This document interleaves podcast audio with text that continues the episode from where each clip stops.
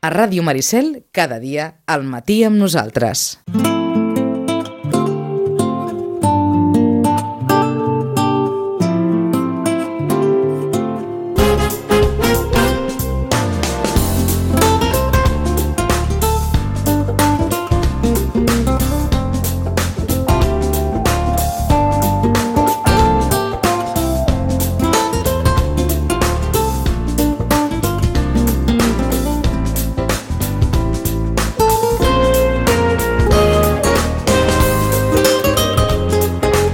Bueno, encetem un nou espai quinzenal de les eh, biblioteques. Falta poc més d'un quart d'horeta per arribar al punt de les 12 i tenim, doncs, a la Marta Sánchez. Marta, bon dia. Hola, bon dia. I a la Sansoles Martín. Sansoles, bon dia. Bon dia. I a totes dues a repassar les activitats de la propera quinzena aquí a la biblioteca. Exacte. Aquesta setmana, eh, com cada mes, tenim un cicle d'onades literàries amb l'Helena Cejas. Uh Mhm. -huh. Cada mes és un tema diferent i aquesta vegada ens, ens parlarà, el títol és La vida i obra, la, perdó, La vida és una obra de teatre, grans, grans autors, Shakespeare i Molière. O sigui que parlarà dels diferents autors amb les obres de teatre i bé, doncs qui vulgui a les 7 de la tarda el dijous 8 de març a la biblioteca. Uh -huh. Continuem amb les activitats d'adults la setmana que ve, el dia 15 de març, un taller, una xerrada de taller molt interessant d'olis essencials terapèutics. A principis de, de tardor ja vam fer un per intentar prevenir els refredats eh, i aquesta vegada és Aprèn a cuidar-te de forma natural. Continuem amb la mateixa línia. Ho fa la Doris Pas Pasqual, que és especialista en aquests temes, i ens comenta que aquests olis són 100% purs, 100% íntegres i naturals, i per renovar la teva farmaciola familiar de forma més natural, doncs ella ens explicarà com, com poder fer-ho. D'acord. I serà el dia dijous 15 de març a les 7 de la tarda. D'acord. Per tant, eh, per una banda les, eh, La xerrada de la Helena Cejas. Cejas i per l'altra aquesta sobre olis essencials. Exacte. I continuem amb les eh, activitats infantils. Aquest divendres tenim la petita companyia i ens farà un conte d'Ànima Animal. No dic res més. Qui vulgui, a, a dos quarts de sis de la tarda, a la Biblioteca Roig i Reventós. I a la propera setmana, el dia 16 de març, l'Anna Garcia, de la companyia Els Bitxos, també ens explicarà un conte. No tenim títol, o sigui que serà, serà sorpresa. D'acord, per tant, les hores del conte, com sempre, els Com divendres a les 5 de la tarda, Cinc i cinc i mitja, mitja sí, perdó, dos dos, quarts. quarts de 6 a la biblioteca. Sí. Recordem que a aquestes hores del conte s'ha de ser puntual, ja que coneixeu la biblioteca, és una biblioteca petita, llavors és difícil una vegada es comença el conte que s'entri més gent, demanem puntualitat i eh, és per nens a partir nens i nenes a partir de 3 anys. A partir de 3 anys. Sí. Doncs les dues hores properes del, del conte que també eh, tenim, Ànima Animal, aquest divendres. Què més, Marta? Doncs a la Biblioteca Santiago Rossinyol encara no fem activitats uh, obertes a tothom, clar. Però a vegades hi ha la llum encesa. Sí, perquè estem treballant. A no vegades hi ha la llum llibres. encesa i llavors al passar per la plaça de l'Ajuntament es poden acostar allà a la reixa de la finestra i mirar per dintre. I una prestatgeria que es veuen ja guies de viatge Ah, col·locadetes. ah. Sí, sí, ordenades i tot. Qui vulgui Sí, sí. xafardejar, doncs ho pot fer. I tant. Sí, aquella sala a la que es veu de la finestra encara hi ha molt de, molt de coses, Aquests, aquesta prestatgeria sí que es veuen llibres, però Mhm. més amunt la cosa ja té pinta de biblioteca. Ja té pinta de eh? biblioteca. Sí, sí, sí, anem col·locant llibres a, a bon ritme. Mentre, mentre la biblioteca està tancada, eh, també fem, estem fent cursos, reunions, formacions i bé, doncs preparant no, el, el, el que serà la, la vida de la biblioteca. Demà, precisament, comencem una nova renovació del projecte de punt d'informació turística. Vam començar l'any passat i és un projecte de la Diputació de Barcelona, es fa per comarques i eh, aquests punts d'informació turística poden ser doncs, eh, restaurants, eh, centres doncs, que ofereixen diferents tipus d'oci, en fi, càmpings, eh, les biblioteques, diferents diferents entitats o diferents negocis que el que volen és oferir aquest plus als seus clients, no? als seus usuaris en el cas de la biblioteca i oferir una informació turística no només sobre el municipi, sobre les coses més conegudes, no? doncs aquí a Sitges doncs, seria la visita als museus o un passeig doncs, pel passeig marítim, en fi, el que, el que és, és més conegut, sinó que també poder tenir informació de primera mà d'altres ofertes, no només al propi municipi, sinó també als municipis veïns, no? doncs de coses interessants que es puguin fer a Vilanova, a Cubelles, en fi, doncs, a, a tots els municipis de, del Garraf i per això doncs, es fan unes sessions que són molt de coneixement de territori. Anem a diferents llocs i in situ veiem i mm, disfrutem doncs, d'una oferta que realment doncs, és molt àmplia i de vegades poc coneguda. Per tant, ens formem en aquest tema per després Mhm. poder oferir, un cop la biblioteca estigui oberta, doncs, aquest servei d'informació turística a part, no, com a suport també, evidentment, a, a l'oficina de turisme, que ja tenen el 100% de la informació, però en tot cas hi ha aquests punts de suport en diferents municipis. Sí, perquè això és molt típic, allò, entrar a preguntar. Exacte, i com que a la Biblioteca Santiago Rossinyol és un lloc que es presta molt a entrar i preguntar, no? i ja està molt bé que ho facin, doncs tenir aquesta acreditació i tenir aquesta formació específica doncs també ens anirà molt bé. D'acord, doncs un servei afegit, Uh -huh, en aquest sentit. doncs demà comencem tres sessions de coneixement del territori. D'acord. Més coses. Més coses. Eh, a les entrevistes virtuals Sí. de, de la web, de, del portal de la, de la Diputació de Barcelona, de l'1 al 31 de març iniciem més i iniciem un nou autor que es presta a rebre preguntes dels seus lectors i contestar-les fent aquesta entrevista virtual. En aquesta ocasió tenim el Kirmen Uribe. És un autor basc, va néixer a Vizcaya l'any 70 i és considerat com el màxim renovador del panorama literari actual en llengua basca.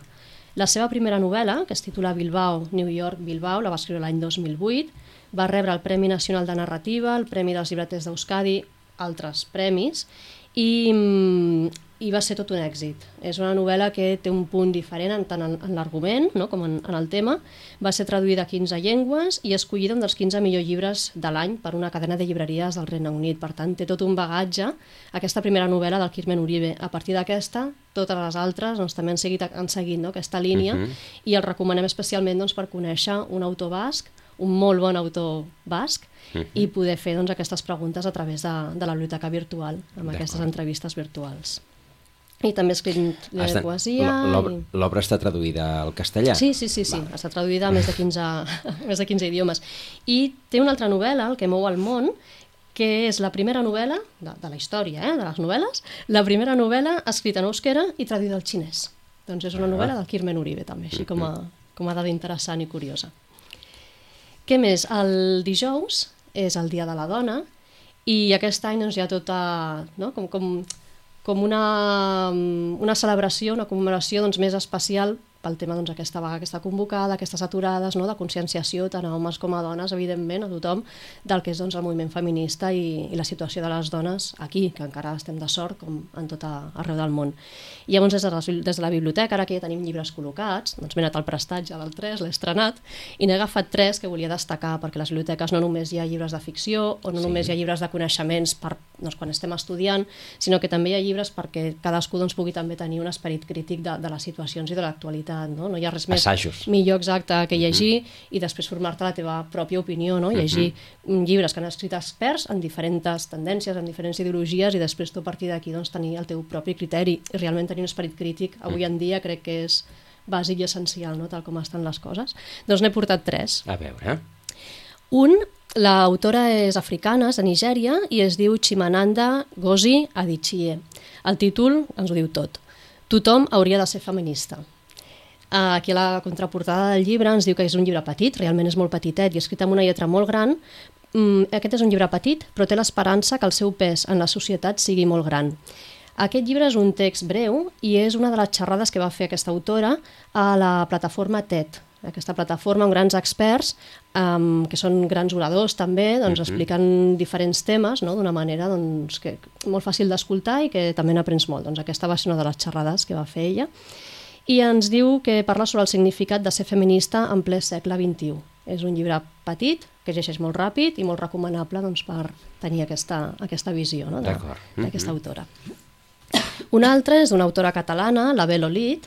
Aquest llibre es titula Feminisme de butxaca, kit de supervivència. És un llibre mm, batallador, guerrero, diria Mm. jo.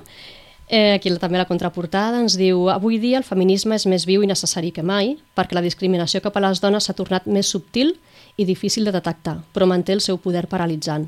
Belolit s'hi enfronta exposant els conceptes claus de la lluita feminista actual d'una manera intel·ligent, radical i de vegades sorprenent. Per tant, no és més del mateix, sinó que és des de la visió de la Belolit, però Mhm. que també ens pot fer canviar el xip de moltes coses que donem per normals i, i no ho són, són la habituals en La cas. Belolit, que és tertuliana habitual amb Sí, els mitjans de exacte. comunicació, o sigui Mhm. que Sí. coneguda també. Mhm. Sí. Mhm. I l'últim és de la Núria Varela i es titula Cansades, una reacció feminista frente a la nueva misoginia. En aquest llibre ens diu eh, que Salomón no era sabio, Don Juan no era un héroe i Lolita no és una història d'amor. I ens diu també l'autora, la, la Núria Varela, que estem cansades. Estamos cansadas de les medias verdades i de les mentires a medias, i bé, doncs hi ha aquí tota una declaració de principis de moltes coses de les que les dones en general i, i els homes també podem estar cansats. Eh, desmuntant els tòpics de la Exacte. història, Uh -huh. en aquest sentit. Exacte. Doncs, eh, tres, tres acostaments, tres, eh, tres maneres de- d'acostar-se a aquesta mm, doncs, celebració, commemoració, reivindicació de- d'aquesta setmana del, del 8 de març, del, del Dia de la Dona. Per cert, el primer que, el primer que has ensenyat Mhm. m'ha recordat aquell, aquell petit eh, manifest que, va, que es va posar molt, que també va sortir molt eh, de l'Indigneu-vos. Sí, sí, doncs seria té, aquest té un tipus. format eh? sí. molt, molt, molt, molt, sí, és molt similar, llibre, doncs, lletra gran... Sí, molt curtet, que te'l llegeixes en un momentet, Pam. però pam, Mhm. va, va al gra i, Directe. i et fa després pensar. O sigui, és petit i ocupa poc temps llegint-lo, però Mhm. després tens molt de temps per reflexionar i per donar-hi voltes. Doncs tothom hauria de ser feminista. Què més?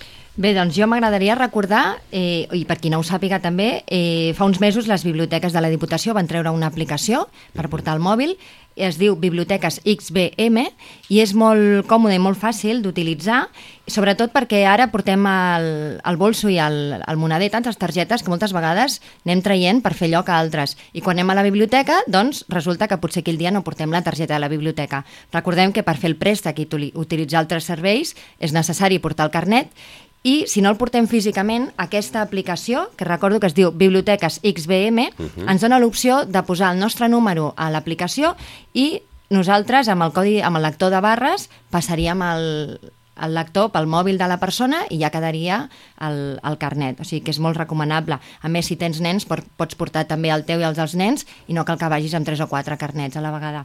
Aquesta aplicació dona més opcions. Per exemple, eh, hi ha un apartat que es diu El meu compte, que allà tens els préstecs que tu has fet, te'ls pots renovar sense necessitat de venir a la biblioteca o d'enviar-ho per correu electrònic.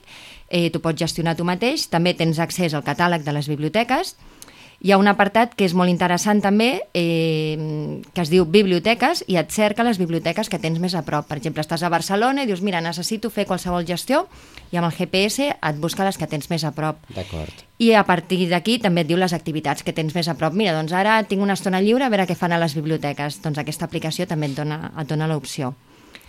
I bé, doncs és un, una eina molt útil que ho anem dient a les biblioteques, però també m'agrada- m'agradava comentar-ho aquí perquè ho tinguin, ho tinguin present. És a dir, de fet, és, és l'aplicació de les biblioteques de la, de la la Diputació. Diputació, sí. eh, que bàsicament és el carnet virtual, que això ja és Exacte. molt pràctic, Sí. doncs, perquè d'aquesta manera, igual que doncs, poden portar el carnet del supermercat, el carnet de la botiga d'esports, el carnet Sí. de no sé què, doncs, poden portar també el carnet de la biblioteca amb el codi de barres, I ja està. I- i ja està. I el mòbil és una cosa que no ens oblidem mai. Potser la cartera, mira, ens la podem deixar en, el, en un moment donat, però el mòbil ara sempre sempre sortim amb ell, o sigui que és una Correcte. oportunitat de, de portar sempre el carnet. i accés al catàleg també, no? Accés al catàleg, sí, Mhm. sí, és sí, a dir, sí. que, que qualsevol gestió que puguin fer vostès amb la biblioteca o cercar una biblioteca, doncs qualsevol cosa que també, el que trobarien a la pàgina web, per entendre'ns, pots- està, està virtualment en aquesta, en aquesta aplicació, el que doncs, a casa és possible que no, perquè ja tenim, ja tenim probablement l'ordinador el que sigui, però doncs, qualsevol cosa que, que es fa pel carrer doncs, la, fem, la fem amb el mòbil. Sí. Una,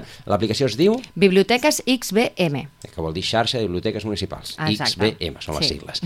Molt bé, doncs aquesta aplicació útil eh, i que podem anar recordant. Què més? Doncs... Si tenim un momentet més? I tant que tenim un momentet.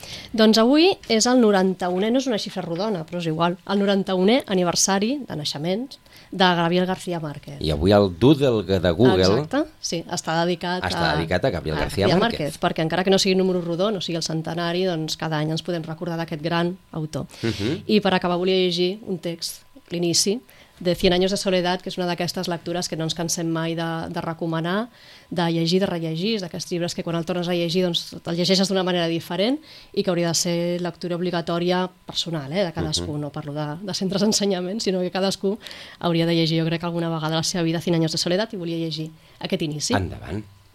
Muchos años después, frente al pelotón de fusilamiento, el coronel Aureliano, Aureliano Bondía había de recordar aquella tarde remota en que su padre lo llevó a conocer el hielo. Macondo era entonces una aldea de 20 casas de barro y caña brava, construidas a la orilla de un río de aguas diáfanas que se precipitaban por un lecho de piedras pulidas, blancas y enormes como huevos prehistóricos. El mundo era tan reciente que muchas cosas carecían de nombre y para mencionarlas había que señalarlas con el dedo. Qui, quina manera d'escriure. Sí, Quina sí, manera sí, sí. d'escriure. Només eh, allò, les primeres línies de 100 Sí, anys de és- soledat És com, ja... un, és com una mini història, o sigui, ens quedem aquí Sí, i la sí. imaginació se'ns ha disparat totalment. Absolutament, no? eh? és, és, és Mm. impressionant. Per Sí. això és un clàssic de la literatura del segle XX. I tant, Gabriel García Márquez, 91 anys, eh, hauria fet hauria avui. fet avui. Doncs eh, amb això, doncs totes, eh, tota la informació de les, eh, de les biblioteques, ens retrobem d'aquí a 15 dies amb la Marta i amb la Sonsoles. Moltes gràcies a les dues. Gràcies.